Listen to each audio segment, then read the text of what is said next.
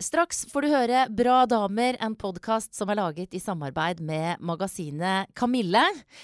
I høst, i eh, september, nærmere bestemt 22. til 24., så er det Kamille-weekend på Geilo. Og dit skal jeg, dere. Jeg skal dit med denne podkasten. Jeg skal lage en livepodkast fra Kamilleviken. Og det er også mye annet spennende på programmet. Du kan lese alt om dette her på kamilleviken.no.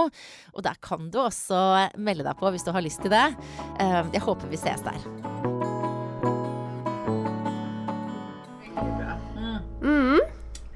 Bra damer, podkasten har flytta seg fra sitt eh, vante studio, som eh, ligger i hovedstaden. Nå sitter jeg og ser rundt på masse instrumenter og et miksebord. Jeg har rett og slett eh, lånt studio til mannen min for å prate med Marte Valle. Hei, Marte. Hei, Guri. Du, Hvordan står det til med deg i dag? Det står veldig bra til. Um, har akkurat uh, gjort ferdig første runden med turné i uh, anledning plateslipp. Mm. Og jeg skal spille i Bergen i morgen. Så skal jeg til Nord-Norge og spille i helga. Så livet er ganske bra. Ja, jeg ser det på deg. Mm. Det som, er, det som jeg må fortelle til deg som hører på, er at uh, Marte og jeg vi, altså, vi bor jo i samme by, så vi går på hverandre av og til. Men ikke sånn kjempeofte. Og her om dagen så var jeg på tur, det skjer heller ikke så ofte, med, med familien min. Vi satt ute på en sånn slags liten øy ute i en elv og følte oss litt sånn nær naturen. Så plutselig så knaker det noen kvister ut fra et lite buskas. Så kommer det tre jenter på kjepphester. Eh, den ene av dem er da datteren til Marte. Og så kommer Marte ut. Eh, og det var liksom tre dager før vi likevel skulle møtes her. Så jeg føler liksom universet har eh, Forberedt oss på ja, i dag. ja, ja. Ja, Og det som også var morsomt da, var at svigerinna mi som var med, hun sa 'Hvem er hun der igjen?' Altså det er så kjent ansikt. Og så, og så måtte jeg liksom da fortelle sånn Jo, dette her, det, det var Marte. Og Marte Valle, hun, eh, hun eh, begynte popkarriere eh, på begynnelsen av 2000-tallet. Det kjenner henne kanskje for. Etterpå så har hun gitt ut flere plater. Hun har vært med på Grand Prix og X-Factor og sånn. Hun er også sykepleieren som engasjerer seg og taler Sylvi Listhaug midt imot, eller reiser til Lesbos og hjelper flyktninger. Eller er i Midtøsten for å eh, se hva som foregår der. Altså Det var så mange sånne knagger jeg kunne henge meg på. Og hun bare Ja, jeg tror det. Jeg tror jeg vet om det. Hvem av alle, de personene der jeg oppsummerte nå, er du mest Jeg vet ikke. Jeg tror eh, det må være summen av alle. Eh, og jeg tror at det er det som kanskje er med på å, å beskrive den der rastløsheten min. At jeg klarer ikke å Jeg syns det er fantastisk å få lov til å ha masse, masse, masse knagger i livet. Og jeg syns det er fantastisk å få lov til å eh, lære masse og ikke stagnere på ett område, for jeg føler at det er så fort at man gjør det. Mm. Ja, Det kjenner jeg litt på. Men hvordan det å ikke stagnere og liksom stoppe der det er komfortabelt, har det vært naturlig for deg å, liksom hive det over ja, Oi, jeg tror jeg blir sykepleier, jeg. Eh, Ja, nei, ved siden av artistkarrieren. Det, det har overhodet ikke vært noe naturlig over det. Det har vært, det har vært eh, livets uh, ubønnhørlige ytterpunkter, rett og slett. Uh, sykepleierkarrieren kom jo fordi at um, jeg ble alenemor. Og da, etter å ha vært musiker i ti år, så var det helt uh, urealistisk å skulle klare å holde på med det uh, og reise så mye. Så da, etter uh, masse tenking fram og tilbake, så fant jeg ut at jeg må ha en uh, ordentlig jobb. Eller en vanlig jobb, da, som Ja. gjør at jeg kan forsørge uh, meg sjøl og dattera mi, og ikke um, måtte være avhengig av å være borte 200 dager i året. Så det, det var Men så ønska jeg meg det yrket også fordi at jeg har jo vært engasjert i solidaritetsarbeid i, i hele mitt voksne liv og hadde lyst til å ha et konkret yrke, så jeg kunne dra ut og så bruke det. Mm. Og akkurat det tror jeg det er mange som beundrer deg for. Det er liksom en tankegang mange kan kjenne seg igjen i. Sånn, Og det skulle man gjort. Jeg, jeg tror òg mange kjente på det, sånn spesielt sånn når flyktningkrisa virkelig satt inn. De her bildene som kom på nyhetene, og man føler en sånn ekstrem avmakt. Men det tror jeg uansett både de som drar ut og, og, og gjør noe, og de som er hjemme og sånn, kjenner på den samme følelsen. Fordi at det blir så voldsomt. Mm. Så, um, men det føles jo godt. Og det samme med Jeg har jo vanlig sykepleierjobb her i Bergen. Og, og jeg tror ikke jeg har hatt en dag på jobb som ikke har føltes meningsfull. Selv om det er sykt dårlig betalt og slitsomt og sånn, så er det, det er alltid mening i det. Mm. Hva med eh, musikkarrieren som du da har holdt på med siden Altså, jeg Begynnelsen av 2000-tallet er riktig. sant? Jeg prøvde, så Første albumet ditt kom i 2005, men jeg mener det kom noe musikk før det. For jeg husker liksom Jeg hørte det da jeg jobba i P3. Ja, det gjorde du, ja. Jeg hadde den den singelen En singel hvor det er litt sånn tegningaktig bilde av deg på forsida. Mm. Hvor du er pur ung. Eh, hvilket, når var det? Ja, da var jeg ung. Nei, det var- det var i 2004. Ja, Så det var første utgivelsen. Ja. Så da, da holdt jeg på med Men også mitt problem sånn, med musikken har jo vært at jeg, jeg elsker all type musikk. Så jeg har liksom aldri klart å så Jeg har alltid hatt lyst til å utforske masse forskjellige stilarter og prøve masse ting. Og det har jo vært artig, men det har jo også gjort at det har blitt litt sånn Det har blitt litt mange turer hit og dit, sånn Ja. rent musikalsk sett. Er det noe som du skulle, skulle sett du Eller skulle du ønske at det var annerledes? At du hadde liksom skjønt at du var jeg vet ikke, en soul-diva, eller kun visedame, eller bare én ting? Jeg tror nok sånn rent kommersielt sett så hadde det vært mye mer fornuftig for min del, og bare holdt meg til én ting. Men altså, det er jo helt mm, Det har jo ikke mm, noe særlig for seg å drive og tenke på det nå, fordi at det var der jeg var da, og da hadde jeg lyst til å prøve det. Og så har jeg alltid vært veldig sta og veldig sånn Ja, men nå skal vi gjøre det sånn. Selv om kanskje folk rundt meg har ymta litt frampå at Er du sikker på det? Ja, Hvem er det du har hatt disse diskusjonene med? da? Er det sånn folk i plateselskap og sånn, eller? Ja, eksempel. Eh, og familie og venner og de som har liksom fulgt meg hele veien. Um, men så Jeg føler jo at når jeg begynte å skrive på norsk, da, at da landa det litt for min del. Og selv om det musikalske uttrykket har variert litt siden da, så er jo tekstene blitt viktigere og viktigere for meg. Og det å formidle noe som, som er på min egen dialekt og mitt eget språk, så er jo ehm, så det har jeg følt at jeg kommer litt hjem i det. Ja, for det, og det, det kan jeg For jeg har jo hørt på musikken din siden du begynte, og jeg tenker sånn når jeg hører den nye plata di nå, så er det liksom rart å tenke på at du ikke har sunget sånn hele tiden. Eller bare Det føles ut som det er sånn du alltid har sunget. Hvordan er denne med låtskriving, da? Altså Tekster må være annerledes å skrive nå enn eh, in English. Yes. jeg hører jo på de første platene mine at eh, engelsken er jo Jeg blir så flau. Den er jo så dårlig. En utrolig dårlig uttalelse. Så det er jo en ting som er bra. Nei, altså, men tekstene er Det er grusomt vanskelig. Og nesten hver eneste tekst er en kamp. Sånn, sånn for å finne ordene. Og det er jo for at en sangtekst er så, den er så kort. Og du skal jo helst rekke å si noe fornuftig på den korte tida. Musikken, den har alltid bare kommet. Der kan jeg sette meg ned og så kan jeg lage en låt på fem minutter. Det er ikke noe problem. Men tekstene, det er så vanskelig. Så det, det betyr vel kanskje da at um, det kommer fra et sted der uh, ordene betyr noe. Jeg vet ikke.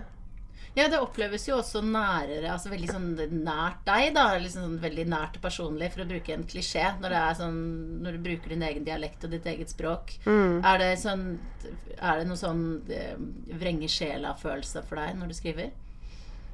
Absolutt. Og på den siste plata så måtte jeg jo gå noen runder med Ja, f.eks. med kjæresten min, da. Eh, for eh, jeg måtte jo spørre han om han eh, følte at det ble for personlig. Fordi at jeg skriver jo tekster om det som handler om meg, og, og hvordan jeg opplever ting, men allikevel så involverer det jo andre. Og, eh, men jeg velger å tro at eh, og, og det er også den tilbakemeldinga jeg har fått til nå, at det er ting som eh, andre kanskje kan kjenne seg igjen i. Og for meg er det sånn at hvis jeg hører på en låt, hvis jeg hører en tekst der noen beskriver noe som jeg har følt, det er så godt å få den derre åh, det er ikke bare jeg som, eh, som er sånn, eller det er ikke bare jeg som har tenkt det. Og, og så blir det satt ord på med musikk, som da går rett i Det går jo rett inn i et sånt sted, forbi ordene og alt sånn. Så det Men var kjæresten din i tvil?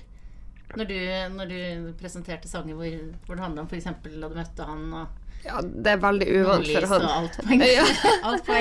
Han er en, eh, han er en veldig sånn jordnær fyr fra Lofoten, så han jeg tror kanskje at det blitt eh, litt mye for han. Men men nå så sa han til meg for noen dager siden at han syns at det er utrolig fint, og så har de det blir jo nesten som på en måte kapitler for, uh, i vårt forhold og de årene vi har vært i lag også. Fordi at uh, det blir mm, Det er vårt, selv om det er noe som eh, er ute. Mm. Du har jo også skrevet eh, sang om, å, om datteren din, eller om å være mamma. Mm. Og det er litt sånn eh, sant? Jeg merker hun bare sier det når jeg sover på å begynne å grine. For at apropos det å kjenne seg igjen, det der å si noe om hvordan det er å være foreldre, eller de følelsene. Det er jo liksom nesten sånn øh, Det er skummelt og alt på en gang. Hvordan, eh, hvordan var det å få til en sånn låt?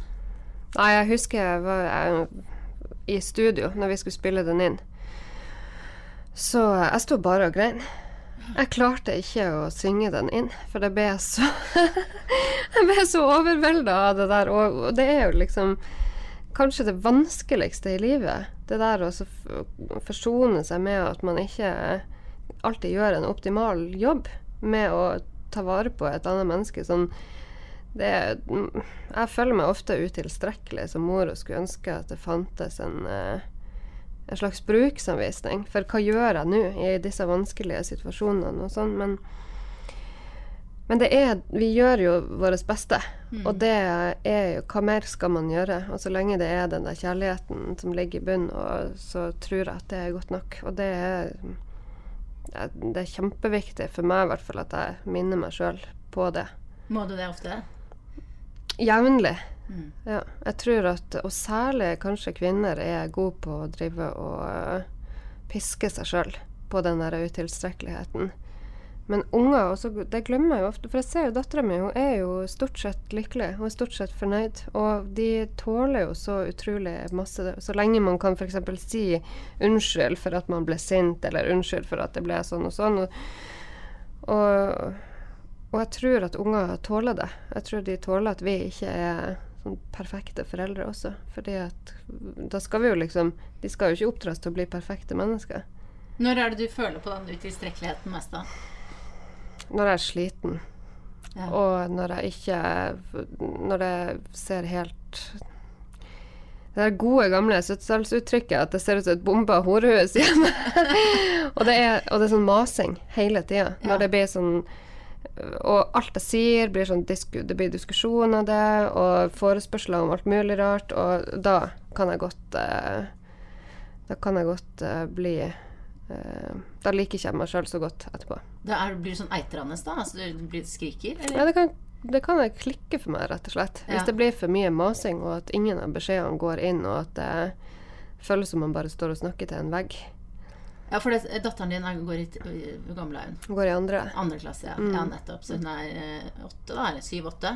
Ja, nettopp. Og hun er jo også sånn hun, hun, Jeg kjenner meg veldig igjen i henne, for at hun er, har masse fantasi, og hun er veldig inne i den der leken sin når hun er i det, og da er det bare Så det tar jo som regel en times tid fra jeg har begynt å si f.eks. at hun skal gå og pusse tennene og sånn, til det blir gjort. Ja. Ja. Så det Og da kan bare Det! Er det den som våkner da, eller? Ja. ja. Og jeg er jo nordlending, Ja. sånn at det blir sånn ekstra nordnorsk. Mm. Når man kommer til, og det husker jeg av mamma også. Jeg vokste opp med, med ei mor som eh, Mamma er jo trønder, egentlig. Men når hun ble virkelig forbanna, så slo hun om til nordnorsk. Oh, ja. Mm. Jeg tror hun følte at det ble tydeligere da. Men, men, og det husker du noe av det? Eller ja, tydeligvis. Men mm. har du blitt merket av å ha en sinna mamma? Eller Nei, jeg vet ja. ikke om hun var Tidvis. Men jeg kan kjempegodt huske den følelsen av hvor ubehagelig det er når en av foreldrene er sint. Mm. Og det tar jeg meg sjøl i ofte. At, eh, og det tror jeg kanskje har gjort til at, eh, at jeg kan si unnskyld da, til min egen datter. Og at nå eh, Det var ikke meninga å bli så sint, men osv. Bla, bla, bla. Det er viktig at hun får en forklaring på det. Men så er det jo det der eh, Det føles så berettiga, det sinnet der, når du er sliten, og sånn som jeg har gått Hvis du har gått tre nattevakter og ikke sovet på noen døgn, og, og så blir det liksom sånn der masse diskusjon om ting, og så blir jeg kjempesint, og så går hun og legger seg, og så ti minutter etter, jeg har sovnet, etter hun har sovna, så blir det sånn Ja, Åh, Oh, savner hun, og så har jeg lyst til å vekke henne og bare gjøre noe artig, men jeg kan jo ikke det, selvfølgelig. men det er sånn at de følelsene, det svinger så sykt hele Ja. tida. Og det tror jeg er bare sånn det er. Og så tror jeg at livet hadde blitt så sykt mye bedre hvis vi bare hadde forsont oss med det der. At det er ikke Jeg tror veldig mange går rundt oss og forventer å komme på et sånt punkt at nå der, nå er vi der. Ja. Sånn med lykke og med sånn, omstendigheter, hvordan man bor, og det økonomiske, og hvordan ungene har det. Men det er jo ikke sånn. Og hvis man hadde innstilt forventningene sine på at det kommer til å svinge, og det kommer til å svinge hele tida Kanskje ikke så mye som sånn hele tida, men det svinger, og det er en del av livet, så kanskje blir vi litt mer tilfreds. Ja, for det er jo ikke sånn at liksom eh, pluss på bankkontoen, eh, perfekt på badevekta, glade barn, eh, middag som alle liker altså Alle de store og små faktorene. De kommer sjelden til å være liksom på plass helt samtidig. Ja, Men de gjør jo ikke det. Nei. Det gjør jo ikke det, og det er derfor jeg, jeg forakter det her. Jeg, eh, den der oppfordringa til at man skal finne lykken og alt sånn overalt, for jeg tror ikke det eksisterer. Og jeg tror, vi, jeg tror det er en grunn til at depresjon i Norge f.eks. er på, så høyt oppe på lista over årsak til hvorfor folk sykemelder seg, f.eks. Man må se på en sammenheng med hva slags forventning man har eh, i samfunnet til hva det vil si å ha det bra.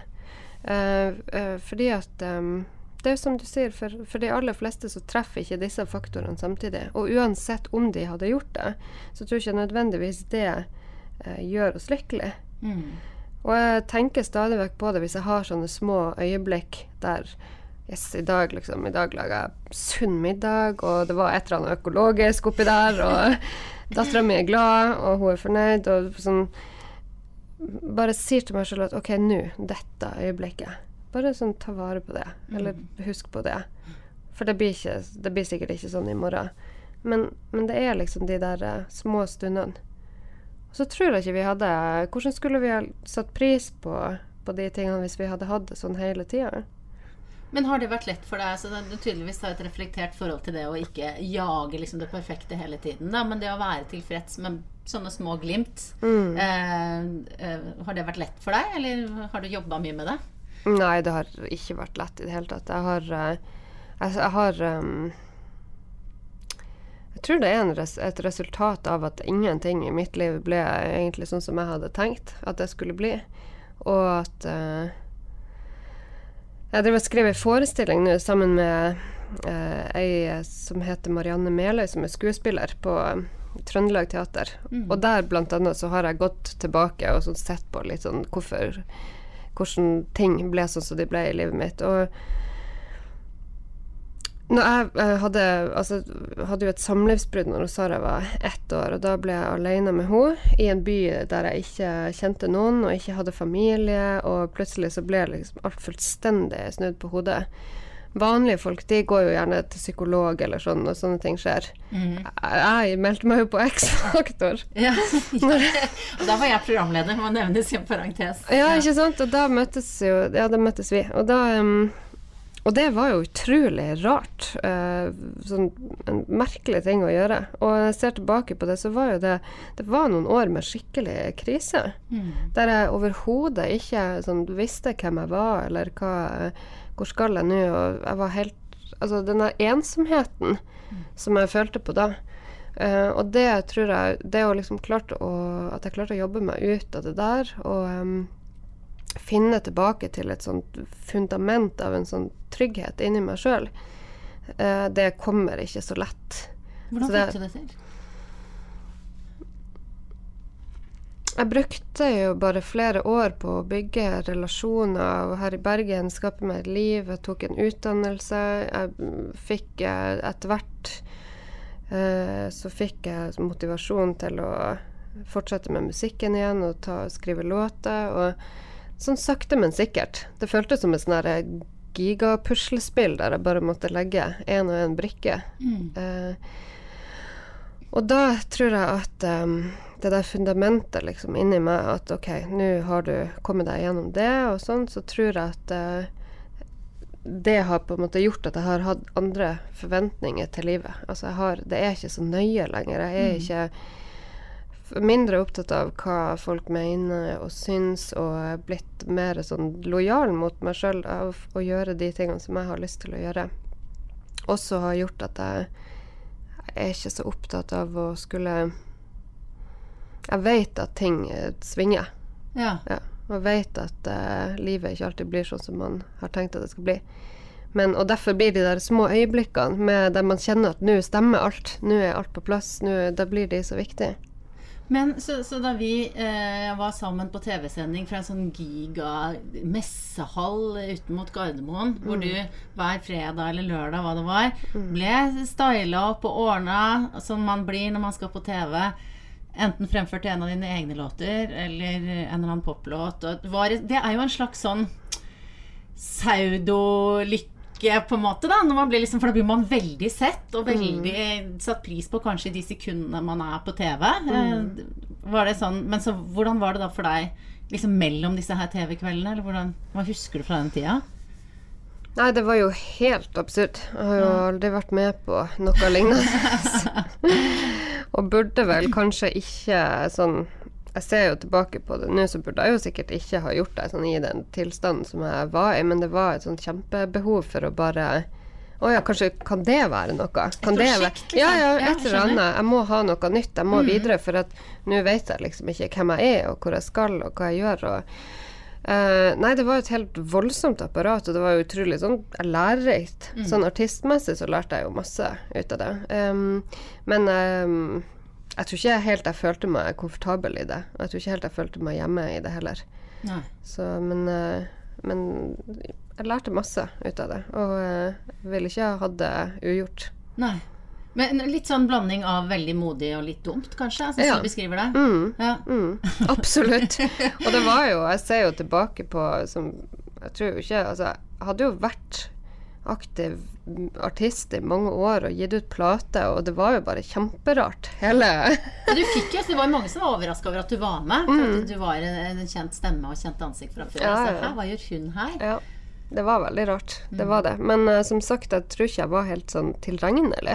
Jeg tror altså det der eh, Det der forholds... eh, Det samlivsbruddet og det forholdet og han som jeg var sammen med da, han hadde jo vært sjuk et halvt år eh, og ligget på sykehus og jeg hadde fått barn og var liksom i en fremmed by, og alt var bare helt sånn snudd på hodet. Så jeg tror jeg hadde mista litt sånn den følelsen av, av meg sjøl, da. Eller hvem er jeg, og hva, hvor skal jeg? Og det var med på å bare tippe meg over at ja, men nå må jeg bare gjøre noe helt nytt. Ja. For å se om jeg finner tilbake til det. Mm. Og at det skjedde liksom på TV foran én million TV-seere i flere uker i strekk, det kan man jo sikkert si mye om. Det var bra du ikke var innestengt i et hus og ble filma som 24-7. At du hadde sånn der confession-greie hvor du snakka om hvordan du hadde det inni deg. og sånn For det hadde kanskje vært litt too much. Ja, ja, det hadde det. Men den låta da som jeg, jeg sang på den audition der til X-Factor Jeg har jo aldri vært på noen audition før i hele mitt liv. Den der som heter 'Ikke aleine', og som nå fortsatt spiller på konsertene mine, som er blitt ei låt som, jeg, som betyr mye for meg, og som jeg vet betyr mye for andre òg. Den skrev jeg jo tre timer før audition, midt på natta. Og da var det sånn der Nei, fuck it. Altså, jeg skal bare si, si det akkurat sånn som jeg har det akkurat nå. Og så får de bare ta det eller ikke. Mm. Så den derre Jeg vet ikke. Den derre Ja, litt, litt dumt var det nok.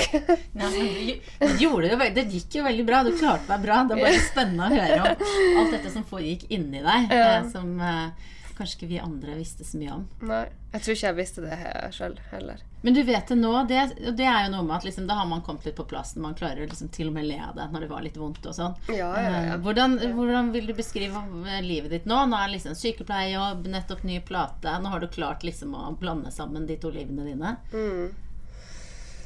Livet mitt er veldig bra. Jeg føler meg heldig som har eh, Jeg føler jeg har en sånn balanse, og det er blitt et sånt nøkkelord for meg. Altså jeg må ha balanse i eh, litt rutiner, eh, det å være ei mor som er til stede, men jeg må også være den der Marte som drar ut og spiller, og får lov til å dyrke de tingene. Drar ut i verden og reiser og har mine prosjekter der.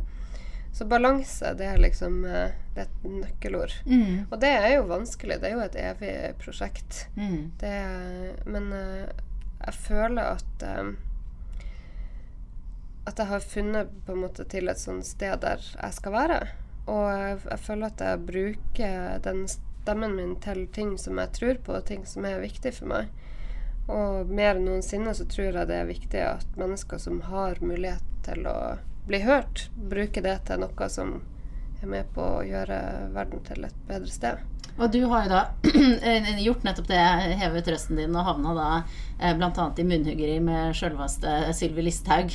Eh, fordi du eh, har vært en av mange, og som på en veldig bra måte har påpekt eh, hennes eh, retorikk, som er fylt med ovenfra og ned og hat og mangel på nestekjærlighet. du sa det bedre enn meg, men det var en slags parafrasering. Hvordan var, hvordan var det å på en måte liksom havne, bli sånn sitert og Uh, ja, Marte Wolle, jeg skal si deg det. Og på en måte havne liksom midt oppi der, den diskusjonen der. Mm.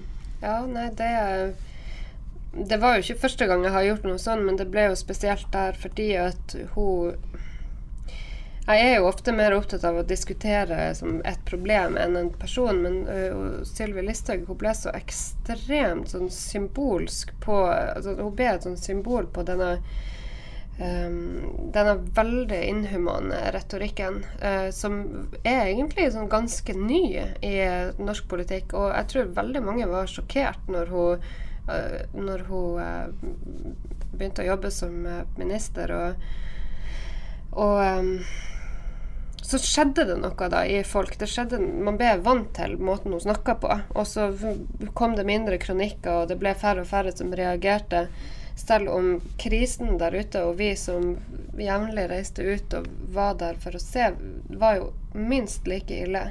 Så, så, det er på en måte det som gjorde at jeg ble så redd for at vi skulle bli vant til hennes måte å snakke om andre mennesker på. Eh, fordi at det skjer noe i oss. Og det mm. har vi jo sett før i historien. Det er jo ikke mer enn en, enn eh, 60 år siden sist vi hadde samme politiske strømningen i Europa. Mm. Og plutselig så, så, var andre verdenskrig i gang. Så jeg tror at det er så ekstremt viktig å være våken og følge med. Og jeg tror det er viktig å være våken når politikere begynner å bruke en sånn retorikk. Fordi at spiller veldig på at en Selvfølgelig, det er, vi lever i en tid der det er masse terrorangrep. og Folk flest har jo ikke kunnskap om f.eks. om islam, og hva er det som skiller en, en islamist ifra fra en eh, helt vanlig mann og, som har familie, og som ønsker et fredelig og trygt liv, og som har flykta fra krig. Men vi er nødt til å gjøre det. For hvis ikke så, så blir det en sånn fryktkultur i samfunnet vårt som går utover veldig mange andre mennesker. Mm. Um, men alle gangene jeg har uttalt meg om dette og vært i sånn offentlige diskusjoner og sånn, så det forbauser meg veldig for et hat det vekker.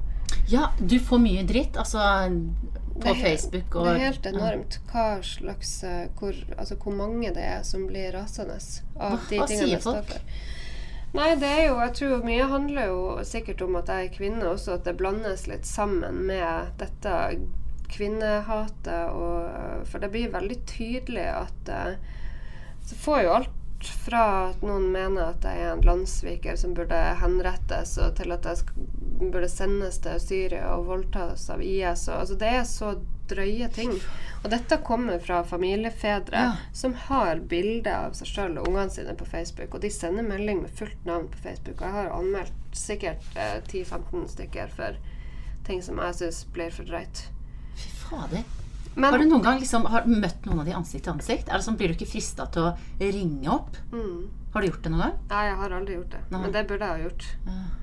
Men det blir sånn Jeg vet ikke Det er sånn Jeg bor jo alene med dattera mi, ja. og sånn veldig ofte så tenker jeg at det her orker jeg ikke. Altså Jeg klarer ikke å forholde meg til det, for det blir så drøyt. Mm. Men sånn trusler og sånn, det har jeg jo alltid anmeldt.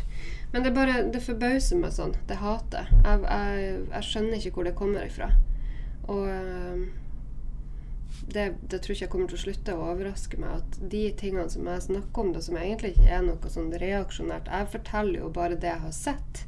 Jeg forteller bare historien til de menneskene jeg har møtt, og så prøver jeg å sette dette eh, sammen med hvor absurd det er å, å skulle gjenopplive en, en treåring eh, eh, samtidig som du går, og så går du inn på nettavisene i, i Norge noen timer etterpå, og så ser du at Sylvi Listhaug sier at ingen må forvente å bli båret inn på gullstol i Norge. Altså det, det, blir så absurd. Og det er bare de tingene jeg har påpekt. Dette er mennesker som kommer fra krig, og de trenger vår hjelp, og vi har plass og rom Og vi har jo nesten ikke tatt imot noen i Norge.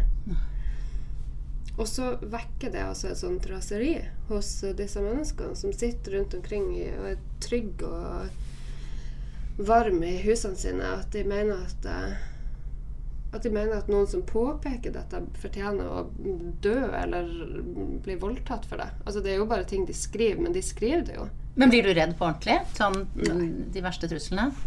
Nei. Du tenker at det er ord? Ja, Ja. Men det forbauser meg. Men du, altså, du sier gjenoppliving av en treåring. Fortell, du har vært øh, flere ganger, har du det? Eh, Lesbos og andre steder? Eller det er liksom det stedet jeg, referansen jeg har, på en måte. Men Mm, første turen det var jo i november i 2015, når eh, det sto på som verst. Og det var jo før denne mm, Europaavtalen med Tyrkia. Så da kom jo båtene helt ukontrollert eh, inn.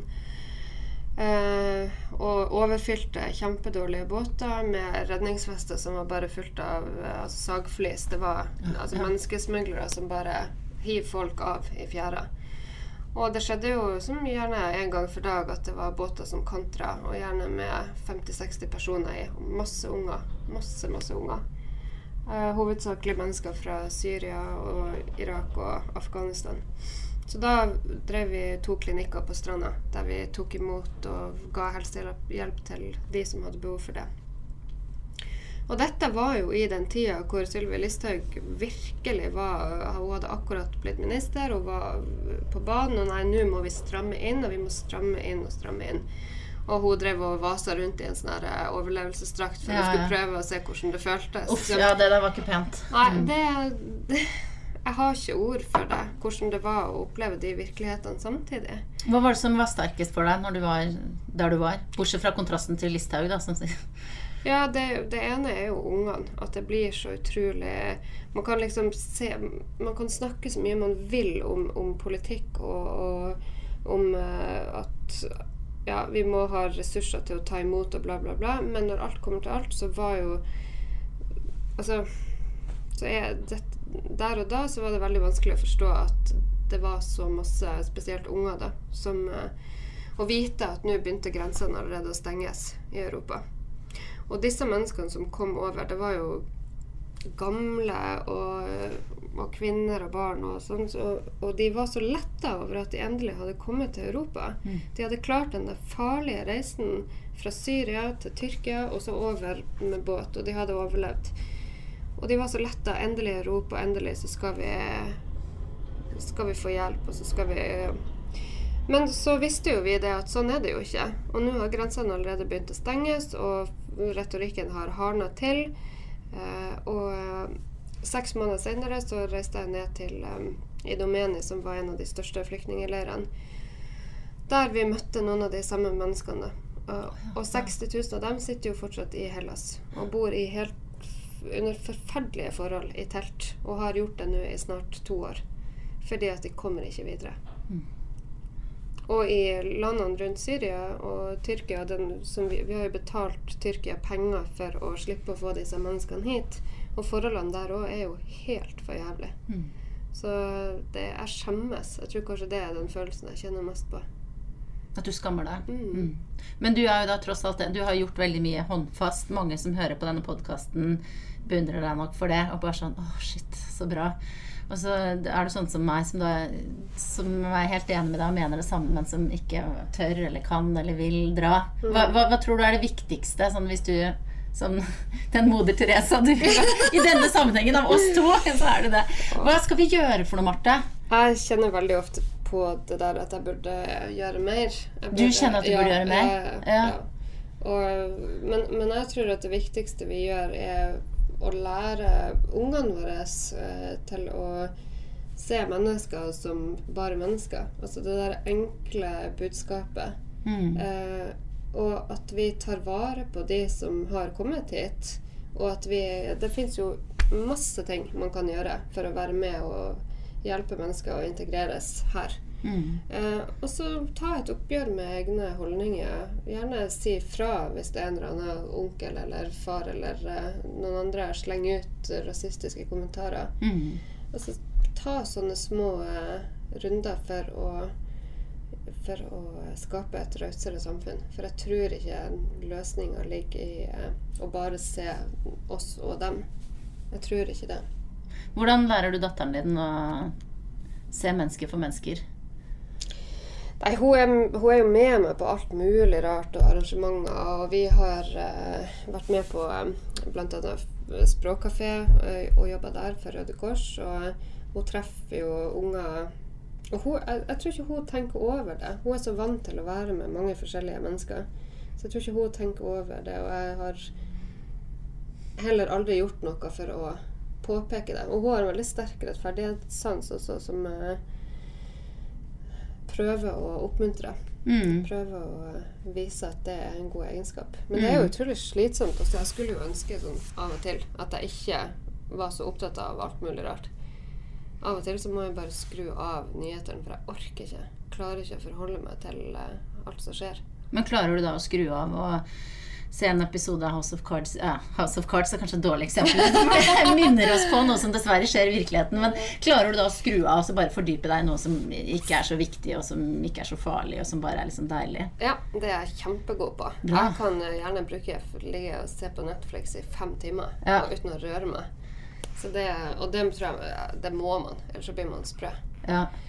Men uh, som sagt, det er Jeg vet ikke. Det er sånn mye sånn Det er mye sånn, sånn skumle strømninger i verden. Og jeg tror at det er viktig at man, eh, at man bruker det man har, og at man er litt sånn våken og følger med. ja. Eh, sånn særlig politisk sett.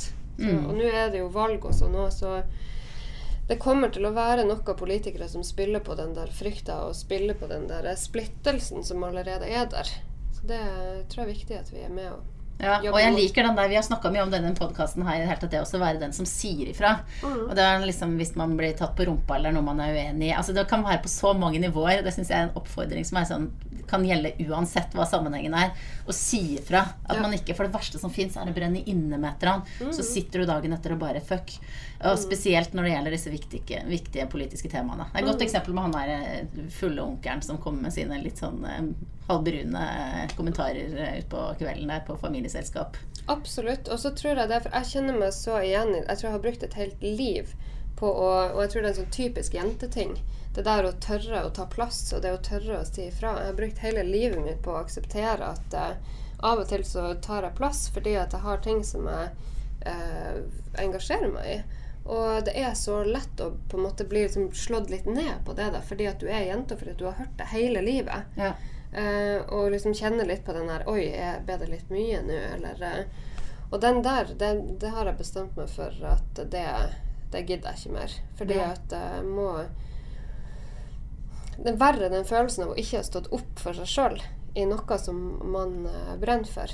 Om det handler om eh, politikk eller eh, kropp eller grense eller uansett hva det handler om. Det der å tørre å ta litt plass, det er så befriende Mm. å gjøre det.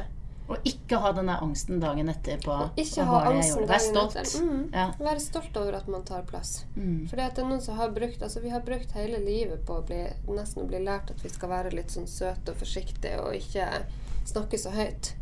Faen heller, da. Se hva som skjer på, rundt i verden når eh, folk ikke tør å si ifra eller si imot. Det går jo til, til pieces, som vi sier i Nord-Norge. Så det er jo liksom eh, Ja. Det der å ikke, ikke være redd for å ta plass, det tror jeg er kjempeviktig. Du sa i stad, Marte, at uh, livet ditt uh, ble absolutt ikke sånn som du hadde sett for deg at det skulle bli. Men at nå har vi heldigvis da kommet fram til at du, du er fornøyd nå. Mm. Du liksom, Har du noe sånn Eller kanskje du har slutta med det nå, da? Å se framover og ha en forestilling om hvordan det skal bli i fortsettelsen? Nei, det må man jo ha. Og det, man må jo ha drømmer og ambisjoner og ting man skal jobbe imot. Det er jo det som gjør livet så spennende. Um, men jeg, jeg tror at jeg, Det kjennes ut som at jeg er på en sånn kjempespennende reise nå som jeg har begynt å tørre å lytte til meg sjøl og gjøre de tingene som jeg har lyst til å gjøre. Og um, jobbe med, med musikken og med denne forestillinga, sånn, ikke lenger være så avhengig av hva andre mener er rett, eller Det er Ja, det, jeg tror at jeg har um, Jeg tror det kommer til å skje masse artig. Og det viktigste for meg er jo å være i bevegelse. Og det der å kjenne at jeg lærer nye ting, at jeg utvikler meg.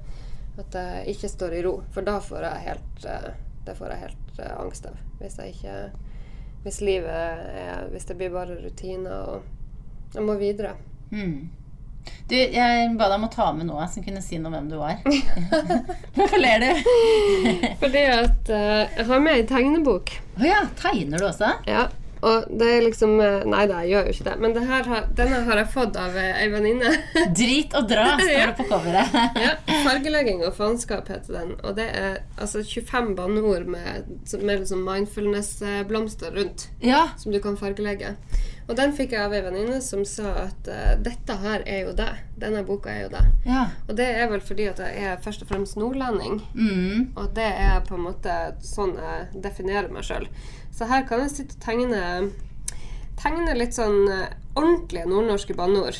Eh, Som fett pace. som fettpeis og hestkuk, som du ser her. her Veldig fine liksom regnbuefarger. Det er liksom en frilynt uh, hestkuk. Ja, og faen i helvete. Masse fine banneord. Sånn dæven steike. Så kan du klippe ut, og så kan du ramme inn når du er ferdig å tegne. Men og dette gjør du da når du trenger litt sånn å, å grunne deg sjøl litt, eller? Ja, det trenger, det trenger når jeg eh, kjenner litt på den der, det som vi prata om i stad. at Nå er det så mye greier, jeg klarer ikke å forholde meg til det. Så nå må jeg bare tegne litt. Mm. Men jeg syns jo at tegning er dritkjedelig. Så, så det hjelper veldig at det er noen sånne ekte, saftige banneord. Da får jeg ut frustrasjonen min, og så får jeg kjent litt på den der eh, nordnorske identiteten. Ja. Ja. Drit og dra. Ja. Tegnebok. Anbefales Anbefales veldig for Ja. folk som trenger mindfulness, men som ikke liker mindfulness. Ja, og det er litt mer tak i det der enn sånne masse sånne små krimskramsblomster, egentlig. Ja, det det føles mer meningsfullt å fargelegge hestkuk. ja. Ja. Fint sitat. Det kan bli meningsfullt å fargelegge hestekuk, sier Marte Valle. Den plateaktuelle artisten. Men du, Marte, jeg har jo også en sånne faste spørsmål. Eh, eh, Hva spiste du til frokost i dag? Du, det var, jeg var seint ute i dag når jeg skulle komme hit og prate med deg, så det var et eple på vei ut av For nå er klokka eh, ett halv. hver klokka nå? Den er snart halv to. Og Ja, men jeg satt, jeg satt oppe og skrev søknader til klokka tre i natt. Og da søker du om penger til musikkprosjekt, eller? Ja, Ja. jeg søker om penger til denne forestillinga som jeg skal ut med i høst. Ja. Og den tror jeg blir så bra, så det må jeg bare må bare liksom makse ut mulighetene Ja. på den. Så da, så da eh, rakk du ikke noe Men vanligvis så spiser du frokost med datteren din, eller? Ja. Mm. Vi har fått sånn dilla på bananpannekake. Oi.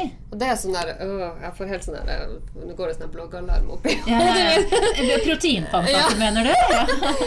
Ja. Protein. Lavkarbo. Nei, faen. Uff.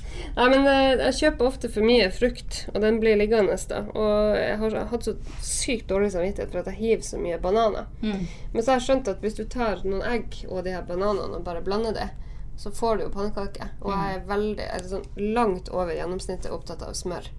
Så hvis du steiker det i sånn ekte rørosmør Ja. eller setersmør mm, Og det tar ikke lengre tid enn å smøre på ei brødskive. Du vet, Jeg kommer til å legge ut denne oppskriften her nå. Det blir sånn, opps legger oppskriften ut på, på Bra damers Facebook-side. Guri Solbergs proteinblogg. Men din, ja, ja, og dine proteinpannekaker. Så får du den. Nei, nei, ta bort proteinet. Ja, ja, ja. Feite pannekaker fra Marte. Råtne bananpannekaker med ekte smør. Hestkuk. Hvor lang tid brukte du på å finne ut hva du skulle ha på deg i dag? Nei, det er utrolig kort tid. Jeg jeg er Søsknene mine de kaller meg for Martin. Å ja. Mm, fordi at de syns at jeg er litt for lite opptatt av hvordan jeg ser ut. Oh, ja. Men du er vel Og- liksom blomstrete topp, fin sånn grønn sånn silkebukse. Ja. Moteriktig hvite joggesko og, og hår i en tofs, som en svensk blogger ville sagt, siden vi er inne på det. Å, oh, en liten tofs oh. der oppe. Jeg gilder tofser. Ja. Nei, men jeg de kaller meg jo det fordi at de syns at jeg gjerne kunne vært litt mer opptatt av eh, hvordan jeg så ut. Men jeg, visste jeg, nå visste jeg jo at jeg skulle bare prate. Jeg skulle jo ikke, så det var befriende å slippe å tenke på det. Mm. Nå for tida så er vi ute og spiller konserter, og da får jeg jo pynta meg og ordna meg skikkelig. Og Ja. det syns jeg er artig. Du liker det? Ja, Men ikke mer enn fem-seks ganger i måneden maks. Ok. Mm. Så da, men hva er det som er viktig for deg når du vet f.eks. i morgen skal du ha konsert her i Bergen? Eh, hva, vet du nå f.eks. hva du skal ha på deg da? Mm. Ja. Og hva, da, hva er det som er viktig når du skal velge et sceneantrekk? Nei, det må jo at det være at For det første at jeg kan eh, føle meg komfortabel i det. Eh, men Jeg tror siste halve året så har jeg sånn blitt mer opptatt av å se kul ut.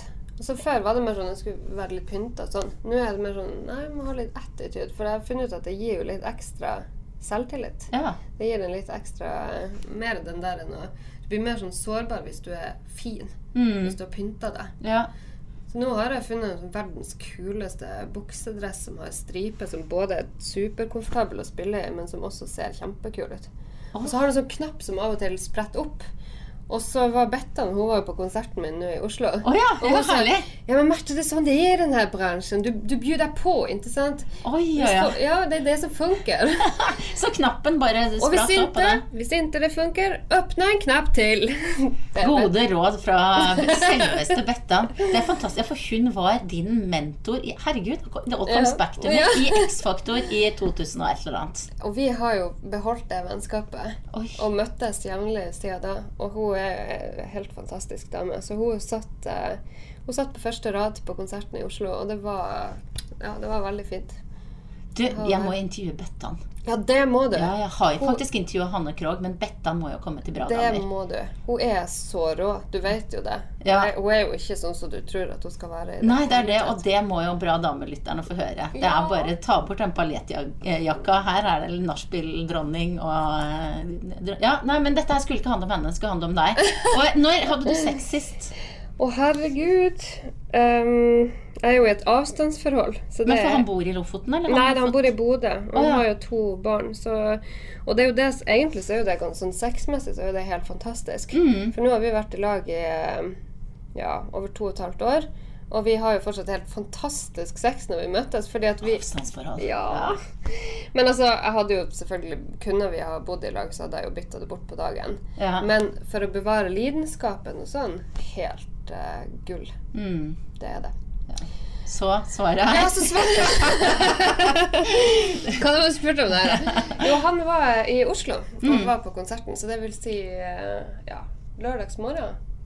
Sist lørdag. liksom etter konsert. Ja, ja, veldig bra. Mm. Og da fikk alle også med seg det der rådet fra Marte om avstandsforhold. For det er rett og slett ikke så ille som folk skal ha det til. Du holder gløden lenger. Jeg tror at det er liksom Det er, det er jo altså gode og dårlige sider med ethvert forhold. Om man er i lag hele tida, så får du jo liksom hverdagene og alt sånn sammen. Mm. Men vi, eh, altså, vi ser jo ikke hverandre så ofte, så vi rekker jo ikke å Altså, vi rekker jo ikke å bli lei av hverandre. Og vi, Mm. vi blir veldig bevisst på at tida vi har i lag, skal være kvalitetstid. Mm. Men uh, jeg tror nok òg at det kommer til å bli veldig fint når vi, får, når vi er ferdig med det. Mm. Avstandsgreiene. Og det er når barna er store Eller hva er, hva er det dere venter på? Ja, nei, vi venter jo på at det skal klaffe med unger og alt sånn. Ja. Ja, så det blir innafor de neste par årene. Men som du har lært oss i dag, Mm. jeg må leve nå og ikke vente på at den perfekte situasjonen oppstår. Livet er også bra nå. Ja, Ja. livet er her og nå, og det kommer det alltid til å være. Mm. Det var en fin avslutning, syns jeg. Tusen takk for at du kom. eh, Eller kom, ja. Vi møttes her på terrorsikret område på havna i Bergen og prata, Marte. Ja, veldig koselig å få være Jeg syns du er en kjempebra dame, altså. I like så. Hør på musikken til Marte, dere som ikke har gjort det. Denne podkasten den lages i samarbeid med Kamille, og nå kan du som Bra damer-lytter få et eh, spesialtilbud på eh, et halvt års abonnement. Da får du åtte utgaver, og dette her eh, koster deg bare 189 kroner. Og for å få dette spesialtilbudet som min min podkastlytter, så sender du en SMS eh, med Guri Mil. Altså en slags miks av Guri og Kamille. Guri Mil til 2205. God lesing! Monster.